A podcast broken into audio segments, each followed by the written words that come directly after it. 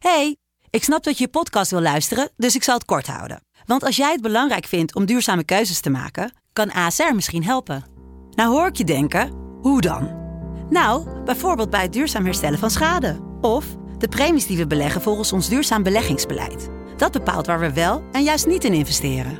Wil je meer weten over welke duurzame keuzes ASR maakt? Ga dan naar asr.nl/slash duurzame keuzes. ASR doet het. Zo, dan kan je nu lekker naar je podcast luisteren.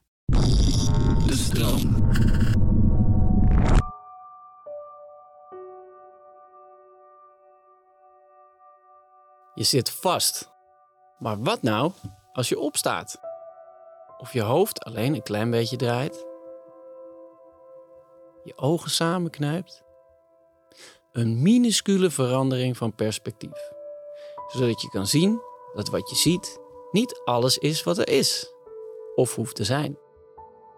De weg naar beweging begint met een millimeter. Eén keer knipperen.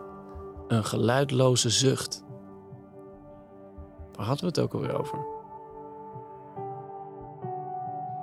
Je luisterde naar professionele tips voor een comfortabel leven. Ik hoop dat je wat aan deze tip hebt gehad. Dat je de boel even de boel hebt kunnen laten.